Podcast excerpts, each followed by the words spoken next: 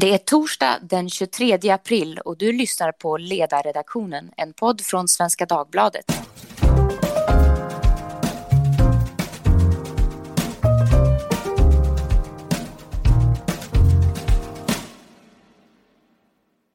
Jag heter Maria Ludvigsson och idag poddar vi om coronapandemin och globaliseringen. Idén tog form när jag i förrgår läste en alldeles ny bok om coronapandemin och globaliseringen Viruset och världen av författaren Johan Norberg.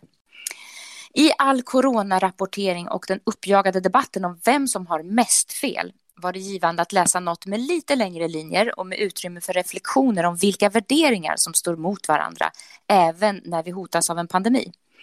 Motsättningen mellan det öppna och det slutna är lika närvarande nu som annars. Frågan om globalisering som något gott eller som ett hot mot mänskligheten är också med. Så idag poddar vi med Johan Norberg av vänstertidningen ETC, även kallad stjärnliberal. Välkommen Johan! Tack så mycket! Och för motfrågor och vänsterperspektiv är Håkan A Bengtsson, vd för Arenagruppen och ledarskribent för Dagens Arena också med. Välkommen du också Håkan! Tusen tack! Johan, vi börjar med dig. Du ställer den retoriska frågan, är det nu globaliseringen dör? Och sen svarar du på den att det inte är så. Kan du inledningsvis beskriva den idépolitiska konfliktlinjen som föranleder din fråga?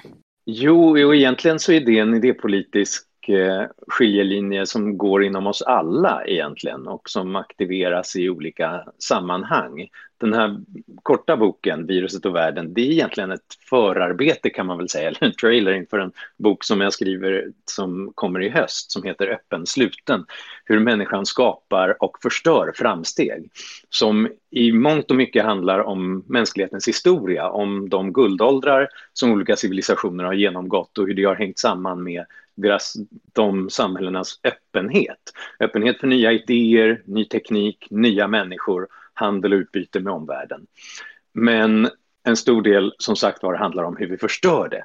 Och ett av de dystra och tyvärr kanske nu ganska eh, vältajmade slutsatserna kring detta är att i kristider så brukar vi montera ner den typen av öppenhet. När vi möter olika typer av hot. Eh, det kan vara utländska hot, invasioner, det kan vara naturkatastrofer. Men jag skriver också bland annat om pandemier. Så har vi en tendens att aktivera egentligen vår fight or flight-instinkt. Att vi vill skydda oss, vi vill bygga murar mot omvärlden, vi vill slåss mot omvärlden. Vi vill se upp till någon stark man eller stor stat som tar hand om oss och kontrollerar alla andra människor som vi nu är så rädda för på ett sätt som vi inte var tidigare. Och därför finns det alltid en risk när någonting sånt här händer att vi alla längtar efter mindre av frihet och öppenhet och jag tycker definitivt att vi ser de tendenserna i debatten. Det är väldigt tydligt, eh, både kan man säga internationellt och nationellt, att det finns sådana tendenser. Var ser du det särskilt?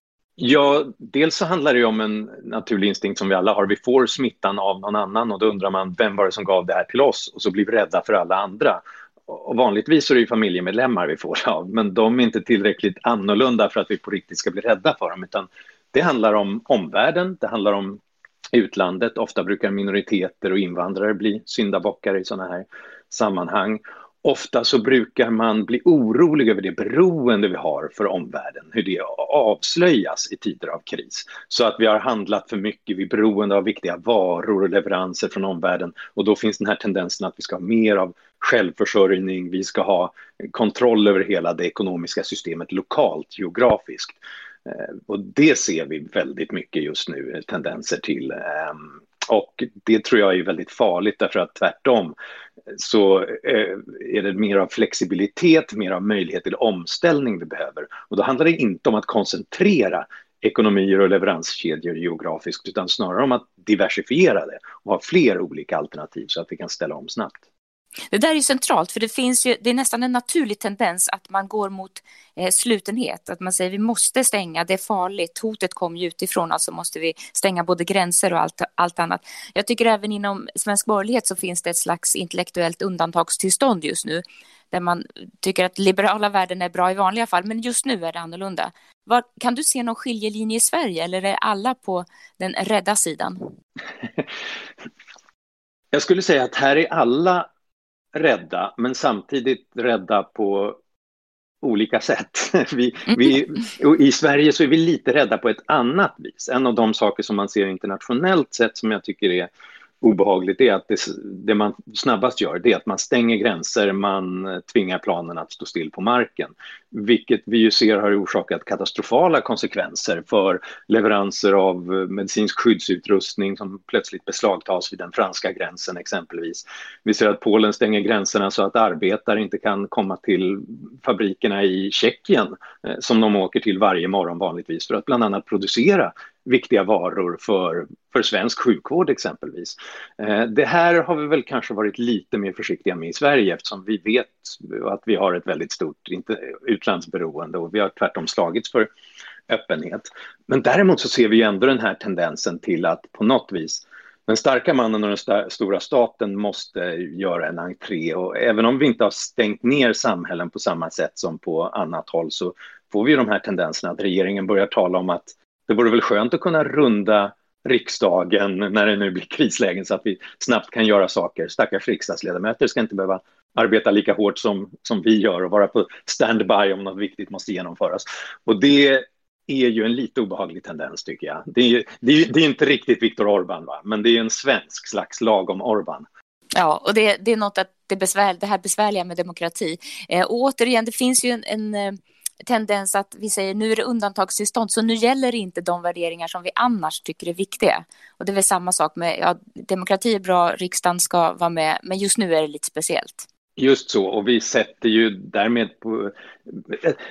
Och låt mig vara tydlig med en sak, va? att vissa saker måste vi ändra på när det är krisläge. Det är exempelvis, jag är inte förtjust i en väldigt generös sjukförsäkring därför att det ser vi hur det kan bli en gökunge som tränger ut allt annat ur, ur statsbudgeten. Men kanske just i det här läget vill vi att folk ska stanna hemma om de är känner sig krassliga. Och då kan man göra den typen av saker i ett krisläge. Om det verkligen, om allt står på spel så kanske det är så att vi ska eh, behöver försätta eh, vissa landsändar i karantän. Om det hade varit pesten på riktigt, eh, mm. då kanske det hade varit aktuellt. Men problemet är att vi är så otroligt snabba på att, även om vi inte har några som helst indikationer på att det här skulle göra någon som helst nytta för folkhälsan så slår vi till därför att det är en slags politisk placebo. Det känns mm. bra att göra snabba, stora, aggressiva saker även om det inte gör någon skillnad. Mm. Håkan, du har läst Johan och även nu hans Virus och världen. Vad fastnar du särskilt för i den? Jag tycker det är en intressant text eh, eh som reflekterar i nuläget om, om en situation som är väldigt eh, svår på många sätt som vi befinner oss mitt inne i och vars slutsatser vi och konsekvenser vi inte ännu kan överblicka. Eh, så jag läste det med intresse. Eh, det kanske beror på att Johan på Facebook har kommit ut som socialdemokrat och hyllar Stefan Löfvens eh, linje. Jag vet inte, så det är kanske är det som har förändrats. vad vet jag. Men det, finns, det finns många saker att reflektera över och det, det, mycket av mycket av vad det här kommer leda till, det vet vi ännu inte. Eh, jag kanske vill nyansera lite din, dina resonemang. Jag tror att det finns, det finns gradskillnader mellan det auktoritära som du beskriver väldigt bra i länder som Kina men även en del västliga demokratier som drar åt, åt, åt fel håll, i USA, Ungern etc. etc. Eh, och behovet av säga, politiska åtgärder för att försvara demokratin. Eh, och det, det, det, tror jag kommer vara en, en viktig viktig skiljelinje och det är lite olika saker faktiskt. Så det, jag vill säga att det, det, är lite mer det finns lite mer gråskala mellan den absoluta friheten och den absoluta eh, auktoritära styret. Eh, sen tror jag så här att om man tittar historiskt på det och det, det, det är viktigt att ha ett historiskt perspektiv så har perioder av globalisering alltid, eller ökad öppenhet, alltid följts av, av, av någon slags backlash. Och jag tror så här att vad vi ser nu är också konsekvenserna av saker som har hänt under senare, senaste decenniet egentligen, där det globala politiska samarbetet har, har fallerat på olika sätt. Om man går tillbaka exempelvis till 2008 så uppvisade de stora länderna en förmåga att hantera finanskrisen. Man kan diskutera konsekvenserna av det på lång sikt naturligtvis. Eh, man putsade ut pengar, eh, billiga pengar för att rädda, rädda världsekonomin. Ehm, men det är ändå så att de visade handlingskraft eh, i ett läge där konsekvenserna hade kunnat bli ännu värre. Ehm, och det har vi inte alls sett nu utan då, då har vi sett eh, att länder agerar, eh, agerar genom att stänga ner allting med konsekvenser som vi inte riktigt kan se. Och jag tycker du också beskriver att det inte alls säkert att de här åtgärderna som enskilda länder har gjort och som andra bara följt efter i samma, samma, samma, samma linje leder till något, något positivt helt enkelt. Mm. Är det någonting... Också, jag vill bara säga lite till. Man kan också gå tillbaka till eh, bristen på politiskt ledarskap på internationell nivå. 2003 så hade vi ju SARS-epidemin. Eh, och då var Gro Harlem Brundtland chef för WHO. Och hon agerade ju starkt mot, mot Kina och krävde att de skulle öppna. Och nu var det en annan typ av, av utmaning, inte lika lömskt virus som vi har att, att hantera nu. Men det är ändå så att politiskt ledarskap på internationell nivå leder till att det inte blev den stora katastrofen det hade kunnat bli.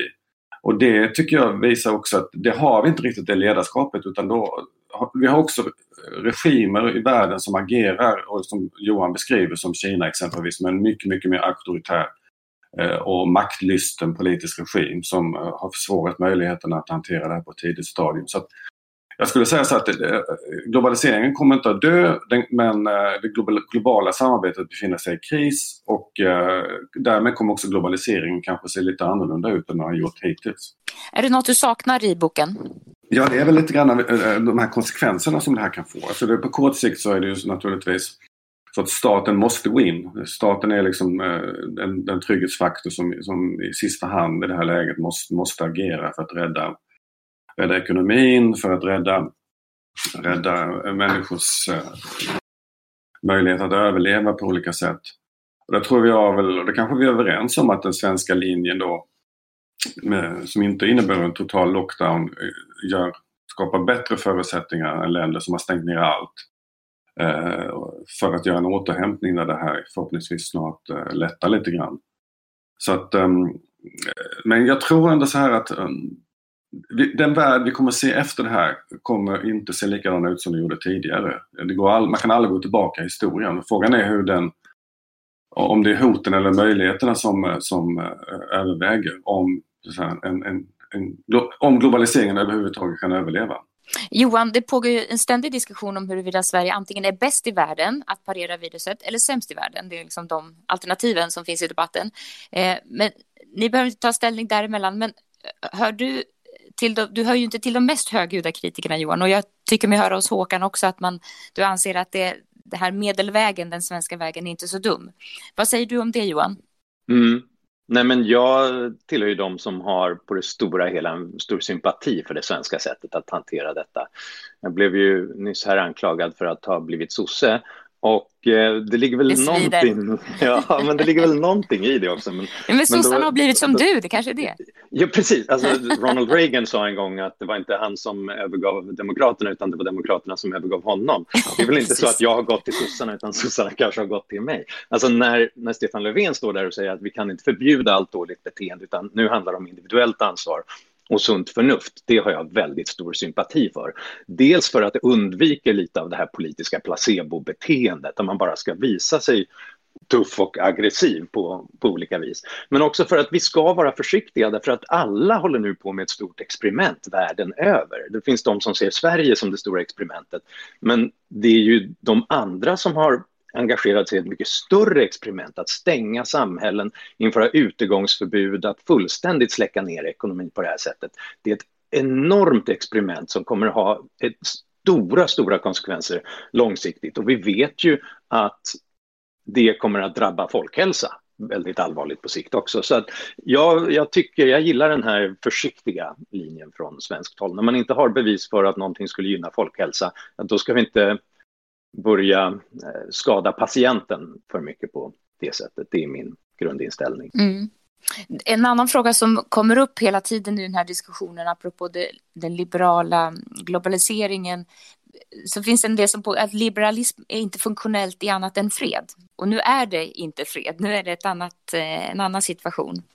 Jag tror ju att det är precis i oför, överraskande konsekven, eh, händelser, krislägen som vi behöver vara så duktiga som möjligt på att vara öppna kunna ställa om och snabbt kunna ändra oss, snabbt kunna lära oss nytt eftersom vi alla agerar under begränsad kunskap så är det otroligt farligt. Även om det är naturligt att vi vill ha den starka mannen, den centrala lösningen på alla problem, så är det väldigt farligt. För om man gör fel där centralt, då blir det fel överallt.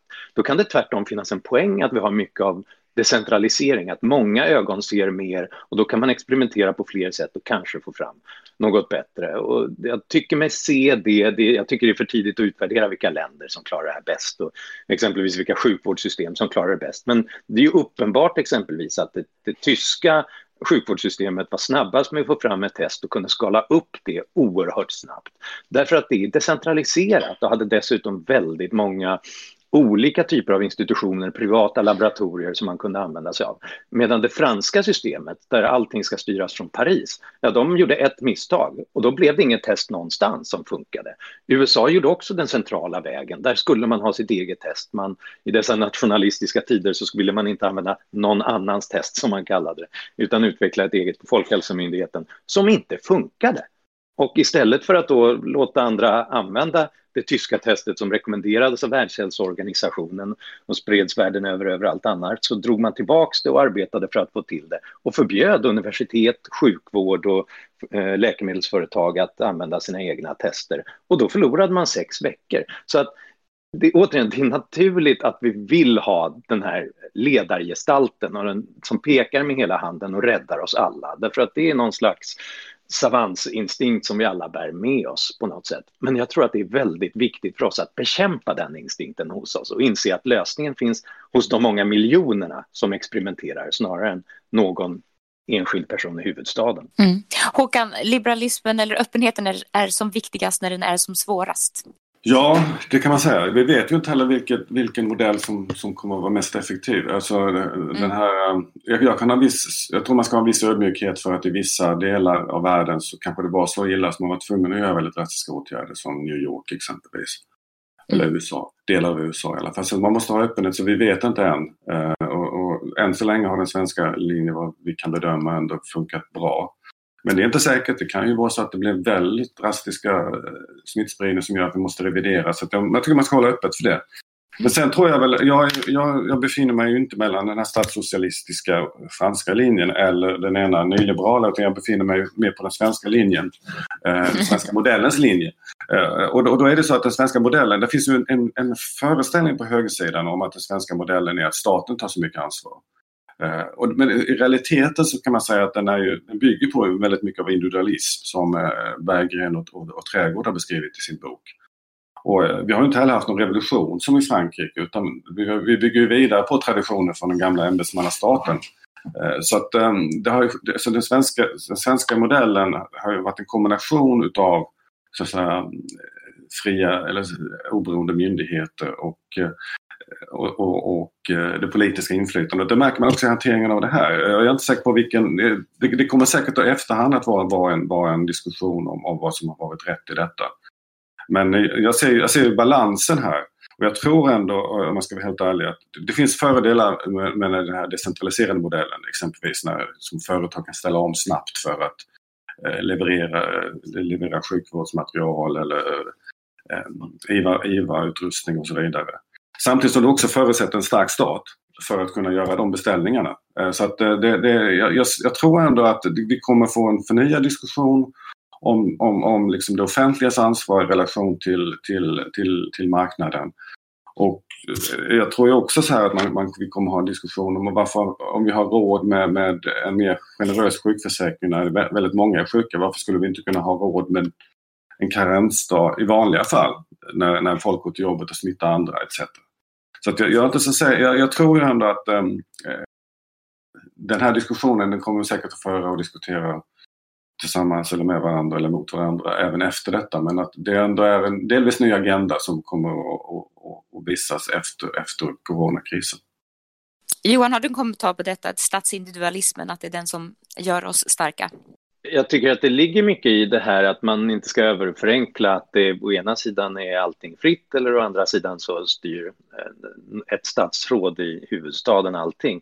att Sverige på många sätt är en mellanlösning. Och ett av skälen till att vi har valt den här lite mer försiktiga linjen som jag återigen sympatiserar med och vi, vi får se hur det går med den. Men ett av de skälen är ju just vår förvaltningstradition, att vi har självstyrande myndigheter där vi tillsätter, regeringen tillsätter en generaldirektör, men generaldirektören ska inte vara politiserad på det viset utan istället lyssna på expertis och titta på fakta och följa lagar. Och om den personen gör bort sig fullständigt så slänger vi bort den. Men, eh, men på det stora hela så lyssnar vi på den typen av rekommendationer. Och det vi, vi, får se. Jag håller med Håkan, det är väldigt tidigt eh, än så länge. Men så här långt så tror jag att det har tjänat oss väl på många sätt. Därför att det gör att man inte behöver göra som i, i Danmark exempelvis, där man då plötsligt inför reseförbud för tyskar och, och svenskar. Eh, medan Folkhälsomyndigheten där säger att ja, det finns inga vetenskapliga skäl för det. Det kommer inte gynna oss på något sätt. Det kommer göra det tvärtom svårare att få hit den utrustning som vi behöver på olika sätt. Utan det här är ett politiskt beslut. Medan i Sverige så kan man, ja, regeringen kan ju göra som den vill och riksdagen kan ju göra som den vill. Men vi har en tradition av att vi i alla fall, då kan man gömma sig bakom expertisen och eh, visa en viss respekt för att det finns kompetens på andra, i, i andra områden av det svenska samhället. Mm. Eh, Kina är ju ständigt närvarande, så även nu. Eh, hur, frågan är då, hur hanterar man en sån regim? Handelshinder eh, hinder eller strafftullar? Eh, och det finns ju hela tiden den motsättningen där, där man tycker att man ska sätta hårt mot hårt eller tvärtom, man ska bejaka öppenhet även gentemot en sån regim. Va, vad har ni att säga om detta? Johan, du har skrivit om det i din bok där du skriver att när Trump införde den första omgången tullar på kinesiska varor i juli 2018 inkluderade det en 25-procentig skatt på handsprit, termometrar, monitorer för patientövervakning. Med den andra omgången tullar i september 2019 infördes en 15-procentig straffskatt på kirurgiska handskar och andra typer av skyddsutrustning. Eh, det där är ett citat ur din bok eh, och det är ju ganska talande. Vill du följa upp det? Ja, och det visar ju att tullmurar, det som betraktas som ett krig då, ett handelskrig från eh, Trumps sida mot Kina, det är ju ett krig där man tävlar om att skjuta sig själv i foten så mycket som möjligt. De som drabbas mest är ju det amerikanska samhället och den amerikanska ekonomin och den amerikanska vården som fick dyrare skyddsutrustning och eh, komponenter till sjukvårdsteknik och som därför också i det skedet började i precis fel läge dra ner på sina gamla lager av den typen av skyddsutrustning istället för att köpa nytt i, i väntan på att förhoppningsvis få köpa billigare på eller att det skulle komma lokal produktion av, av detta istället. Och, eh, och det säger väl någonting generellt om hur korkat protektionism är som vapen mot eh, regimer som man inte sympatiserar med därför att det drabbar en själv i första hand. Eh, jag tycker att det finns mycket ont att säga om ehm, den kinesiska diktaturen, inte minst i dessa dagar när de gjorde allt för att tysta ner den här epidemin i just det skede då man hade kunnat, det enda skede då vi hade kunnat begränsa den geografiskt. Och att man därefter har ljugit om det på, skickat ut en väldig propagandamaskin och det finns ju väldigt starka skäl för oss att kritisera och angripa detta och, och hålla dem eh, och stödja de kinesiska krafter som vill ha mer öppenhet i detta. Men just därför ska man ju inte starta andra bråk om saker som inte är ett problem, som att de faktiskt skickar oss viktig utrustning billigare än vi hade kunnat producera det själva. Och som i det här läget en helt avgörande leverantör, därför att de som säger att vi, Europa borde vara självförsörjande på allt detta, ja, det hade ju inte hjälpt oss ett dyft, därför att kontinenten ligger ju helt nere för räkning just nu, hade inte kunnat leverera oss någonting. Det är just för att Kinas industrier har börjat sätta igång igen som vi får någon eh, tillgång på medicinteknik och skyddsutrustning just nu. Mm. Håkan, har du någon kommentar till detta? Ja, ja, ehm, det, det ligger ju naturligtvis lite i det. Men om man tar ett större perspektiv så tycker jag att det har funnits och finns en naivitet. Kanske lite mindre nu eh, i och med att det är så mycket som har hänt i det internationella sammanhanget som, som gör att vi får fokus lite grann på problemen med Kinas roll i världen. Det har funnits en naivitet där vi har släppt in Kina i det globala samarbetet eh, fast det har varit på ojämlika villkor. Det vill säga att de har fått, de har fått villkor som inte Kina accepterat när det gäller investeringar eller eh, möjligheter att komma in på deras marknader. Och det, det, är ju en obalans, eh, det vill säga att vi har en egentligen statligt dopad ekonomi som agerar på en fri internationell marknad. Det är inte, det är inte en konkurrens på lika villkor skulle jag vilja säga. Eh, och ehm, det, fanns ju en förhoppning under många, många år om att Kina skulle utvecklas i, i mer demokratisk frihet i riktning. Allt, det där, allt det där försvann ju 1989 med Himmelska fridens torg och med nuvarande ledare så har vi gått tillbaka till en Mao Zedong liknande partidiktatur mm. och gammalt slag. Och det här gör ju, och det, jag tycker det här visar sig i corona, coronafrågan där, om man jämför med 2003 så är det ändå så att, att Kina agerar på ett annat sätt idag med, med, med självsäkerhet och, och som, som, Johan också beskriver inte släppte in och, och, släppte på information om detta i ett tidigt stadium. Och vi vet ännu inte hur illa det är egentligen i Kina. Nej. Samma, summa summarum så menar jag att um, jag tycker man måste ha ett lite större perspektiv och ha en, också en, en alarmistisk aspekt på detta där, där USA egentligen på sätt och vis förlora inflytande och makt och, och auktoritet i det globala sammanhanget medan Kina på ett skickligt sätt agerar nu, inte minst i coronakrisens spår, för att flytta fram sina positioner. Mm. Johan, har du något att tillföra där? Ja, det, det här instämmer jag i. Det, det, finns, det har funnits en naivitet inför Kina utan tvekan och vi kan ha släppt in Eh, Eh, politiskt kontrollerade eh, kinesiska intressen i lite för centrala eh, industrier och näringar och liknande. Och det, det håller väl på att korrigeras på olika vis. Men när det gäller sånt som eh, synen på en statligt dopad ekonomi och de subventioner som de får, de kränkningar mot intellektuell äganderätt som finns där man eh, historiskt sett har, har stulit rätt mycket av västerländsk kunskap och liknande. Det bästa sättet att hantera det är ju inte att eh, starta ett eh, ömsesidigt mutually assured destruction som det innebär med ett generellt handelskrig. Utan det är ju att utveckla mer av regelverk och globala samarbeten där man har vissa typer av grunduppsättningar och regler att förhålla sig till.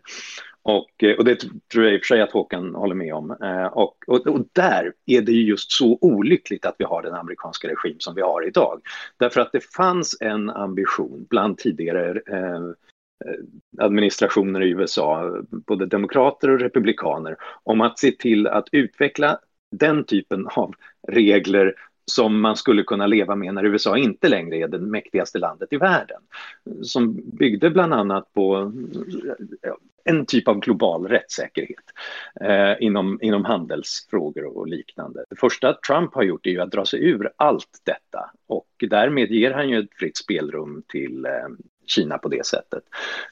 WTO, Världshandelsorganisationens problem är att man inte har haft tillräckligt stora möjligheter att göra detta och det som Trump istället har gjort är att han, han har satt Världshandelsorganisationen helt ur spel. Eh, det hände nu senast, i, igår kom det avgörande beslutet om att sluta följa de domar som kommer från skiljenämnden inom Världshandelsorganisationen från USAs sida med hänvisning till att det, nu finns det inte tillräckligt många domare där. Och skälet till att det inte finns tillräckligt många domare där det är att Trump har blockerat alla förslag på nya domare där. Eh, och det är otroligt kortsiktigt och det är otroligt oklokt och självdestruktivt därför att USA har tjänat något enormt på att ha den typen av regelverk och den typen av rättssäkerhet i, i handelssystemet. Så att eh, ja, jag tycker ju på många sätt så är ju nu i år, om vi måste ha en pandemi i världen så är den bästa tiden att ha en pandemi just nu därför att vi har en vetenskaplig och teknologisk beredskap som är större än någonsin och vi har ett välstånd som är bättre än någonsin. Vi klagar på att vi har för få respiratorer men 1950 så fanns det inte en enda modern respirator i världen någonstans överhuvudtaget. Nu kan vi läsa arvsmassan i virusen på sex dagar fram till 1995 hade det aldrig skett. Så att det där funkar. Liksom ekonomi, teknik, vetenskap funkar, men politiken funkar inte. Och just nu befinner vi oss i ett unikt dåligt läge globalt när det gäller politiken, just för att det globala samarbetet är nere för räkning, som, som Håkan är inne på. Vi har inte det här ledarskapet som kan se till att stater undviker en självdestruktiv politik. Till exempel blockera gränser eller tar andras utrustning som är på väg till, eh, till krishärdar. Finns det några av de här internationella institutionerna som vi känner lite hopp för? Du nämnde WTO som, som nu är blockerat. FN brukar man kritisera. Finns det några institutioner som ändå verkar fungera lite bättre? Alltså jag känner ju både att det här är den sämsta och den bästa tiden för EU på något mm. vis. Därför att det första som skedde var ju, var en katastrof. Det första svaret på krisen. Eh, menar, vi fick fantastisk hjälp under våra skogsbränder här, här om sommaren när mm. eh, Italien skickade vattenbombar och tyskar och polacker skickade brandbilar precis när vi behövde det. Och det var ju, svenskar stod och applåderade och det var EU som bäst. Nu kom Italien med ett liknande nödrop att vi behöver omedelbart utrustning och hjälp och de fick ett lika snabbt svar, men det svaret var nej. Vi tänker inte skicka någonting. Och eh, Frankrike till och med beslagtar skydds, svensk skyddsutrustning som var på väg igenom landet till Italien. Och när de stora bjässarna som Frankrike och Tyskland beter sig på det viset, ja, då känns det ju som att slutet för EU är ganska nära. Å andra sidan, om vi inte hade haft EU som institution i just det läget så hade vi inte haft en EU-kommission som tog dem till upptuktelse och eh, mm. sa åt dem att den här typen av exportförbud är inte acceptabla. Mm, vi kan inte ha de här 40 kilometer långa köerna vid gränserna i ett krisläge för då kommer det snart bli tomt på hyllorna. Och, eh, och, jag tror att det faktum att de röt till det har haft en väldigt stor betydelse för att vi är i en lite bättre situation än vi annars skulle ha varit. Mm. Håkan, håller du med om det? Ja, i grunden gör jag nog det. Eh, jag tror att, ehm, men jag vill bara lägga till att allt beror ju på hur, hur djup den här ekonomiska krisen blir. Eh, om man tittar på världsekonomin så sjönk BNP i världsekonomin 2008 med 0,1 procent. Det är en ganska marginell minskning. Eh, vi får gå tillbaka till andra världskriget för att se ett sånt stort BNP-fall som vi förmodligen kommer se i år. Hur djupt det blir, det vet vi inte. Vi befinner oss i ett i ett läge då det är väldigt svårt att, att, att, eh, att förutsäga att förutsäga hur, hur allvarligt den här krisen kommer, kommer, kommer att vara. Det beror ju också på hur länge den här, de här restriktionerna kommer att pågå, hur länge flygen inte, inte går och så vidare. Men det är klart att ju längre krisen blir, blir, blir också det ekonomiska fallet djupare och därmed de omvälvningar, både möjligheter och hot när det gäller det globala internationella samarbetet och EU, EUs framtid Eh, ju mer osäker blir den skulle jag vilja säga. Eh, så i, i den bästa världen så kan vi försöka återgå steg för steg till, till eh, en, en, en, ett öppna upp samhällena. Men allt beror naturligtvis på hur det här viruset utvecklas. Det här lömska viruset som vi nu kämpar med och försöker hantera på olika sätt och vis. Mm. Det vanligaste svaret just nu på de flesta frågor är vi vet inte. Man kan, väl också, man kan också hoppas på att det, den, när ekonomin är helt nere, men när människor börjar bli friska igen och man blir mer hoppfull, att det, att det återhämtar sig relativt snabbt.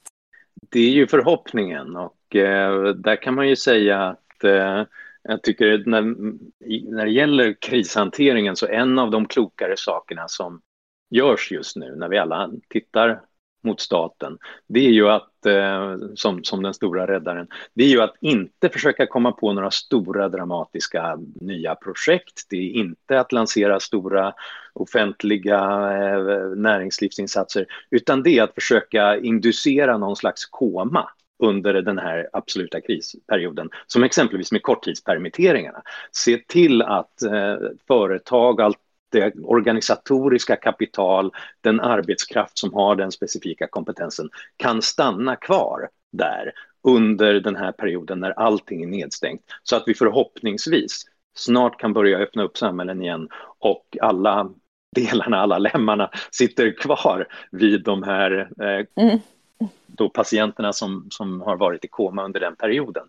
Och det är väl det vi alla hoppas på. Om det här blir längre, om det blir den här idén som vissa har att nu ska vi ha en, en total social distansering och undantagstillstånd som det är praktiskt taget varenda europeiskt eh, land utom mm. Sverige eh, tills vi har ett vaccin. Ja, då talar vi om ett år, om vi har tur. Då talar mm. vi om mm. längre tid. Det är en, då är det en fullständig ekonomisk kollaps som kommer döda långt fler människor än vad viruset gör. Avslutningsvis, ni har båda eh, skrivit om och kommenterat Camus Pesten från 1947. Det är fler än ni som har dragits till den boken igen. Eh, vad var det ni fastnade för, var och en av er, när ni läste den den här gången? Om vi börjar med Håkan. Ja, alltså det, det första är väl att det är så många saker som man slås av som, som stämmer in på den eh, situation som vi befinner oss i nu. Det är ju en, en fiktiv berättelse. Ibland mm. tänker man att eh, vad han egentligen beskriver andra världskriget. Eh, fast han, han, han, han, han beskriver en stad i, i, i Nordafrika. Mm. Så det, det, är så många saker, meningar man själv inte har tänkt på men kanske får för sig formulerad i den här boken. Sen är det ju en, en bok om hur vi människor reagerar i en, en sån utsatt situation som, som vi befinner oss i. Och som riskerar att ta fram det både bästa och sämsta hos oss. Ja.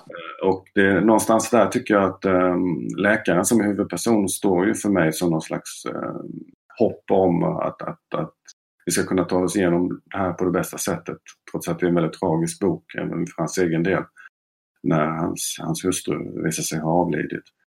Eh, och, eh, men han jobbar på. Va? Han jobbar på med att försöka hjälpa och, och, och vårda de sjuka. Och, och det, det, för mig är det en, en moralisk, eh, ett moraliskt hopp som ligger inbäddat i den här boken. Johan, du nämner också Camus-pesten.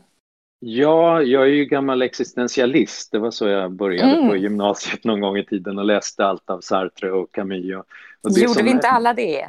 jo, vi gjorde det. Och, det. och då blev jag ju lite provocerad när jag läste Pesten på den tiden, för den var lite hoppfull. Och det var inte det jag i mitt gymnasiejag letade efter i existentialismen. Att man mitt i krisen tvärtom kunde kämpa vidare och, och skapa någonting viktigt. Och nu när jag återkommer till den så ska jag väl säga att det är det som tilltalar mig, eh, verkligen. Eh, han är mycket noga med att poängtera att det är mycket lättare att riva ner än att bygga upp och att det får långsiktiga konsekvenser och att det, är, det är en fruktansvärd eh, skala på sjukdom och död i, den här romanen. Men samtidigt finns det som, som en av eh, karaktärerna säger där att det, mikroben är naturlig, den, den finns alltid där, den får vi alltid leva med. Men allt det andra, hälsan, hedligheten, renheten om ni så vill, allt detta åstadkommer viljan och den viljan får aldrig slappna och så länge vi har den så har vi möjligheten att skapa en bättre värld. Och den hoppfullheten som en karaktär som, som är på väg att eh, försöka smuggla sig iväg för att eh, ta sig därifrån som istället ändrar sig i sista stund mm. för att komma tillbaka och hjälpa till att bekämpa eh, smittan. Det tycker jag säger någonting viktigt som vi måste komma ihåg. Att det vanliga sättet att agera på kriser kollektivt politiskt, det är ofta ganska obehagligt. Det är ofta vi mot dem, det är ofta att hitta syndabockar, det är ofta att eh, stater ansamlar mer befogenheter på medborgarnas bekostnad. Men individuellt, i det civila samhället, så brukar människor tvärtom agera oerhört hjälpsamt. Och det, mm. det ser vi ju idag, att det första som händer när svenska och brittiska och amerikanska eh, myndigheter och sjukvården hör av sig och vill ha hjälp så måste de stänga sina sajter efter någon halvtimme därför att det är för många som frivilligt, mm. ideellt vill kämpa mot den här gemensamma fienden som vi alla har. Det tycker jag var en värdig avslutning på vårt samtal. Tack eh, Johan för att du var med och tack Håkan för att du också var med med kloka inspel. Tack också till er som lyssnade och om ni har synpunkter eller idéer så mejla oss på ledarsidan svd.se. Tack så mycket och hej!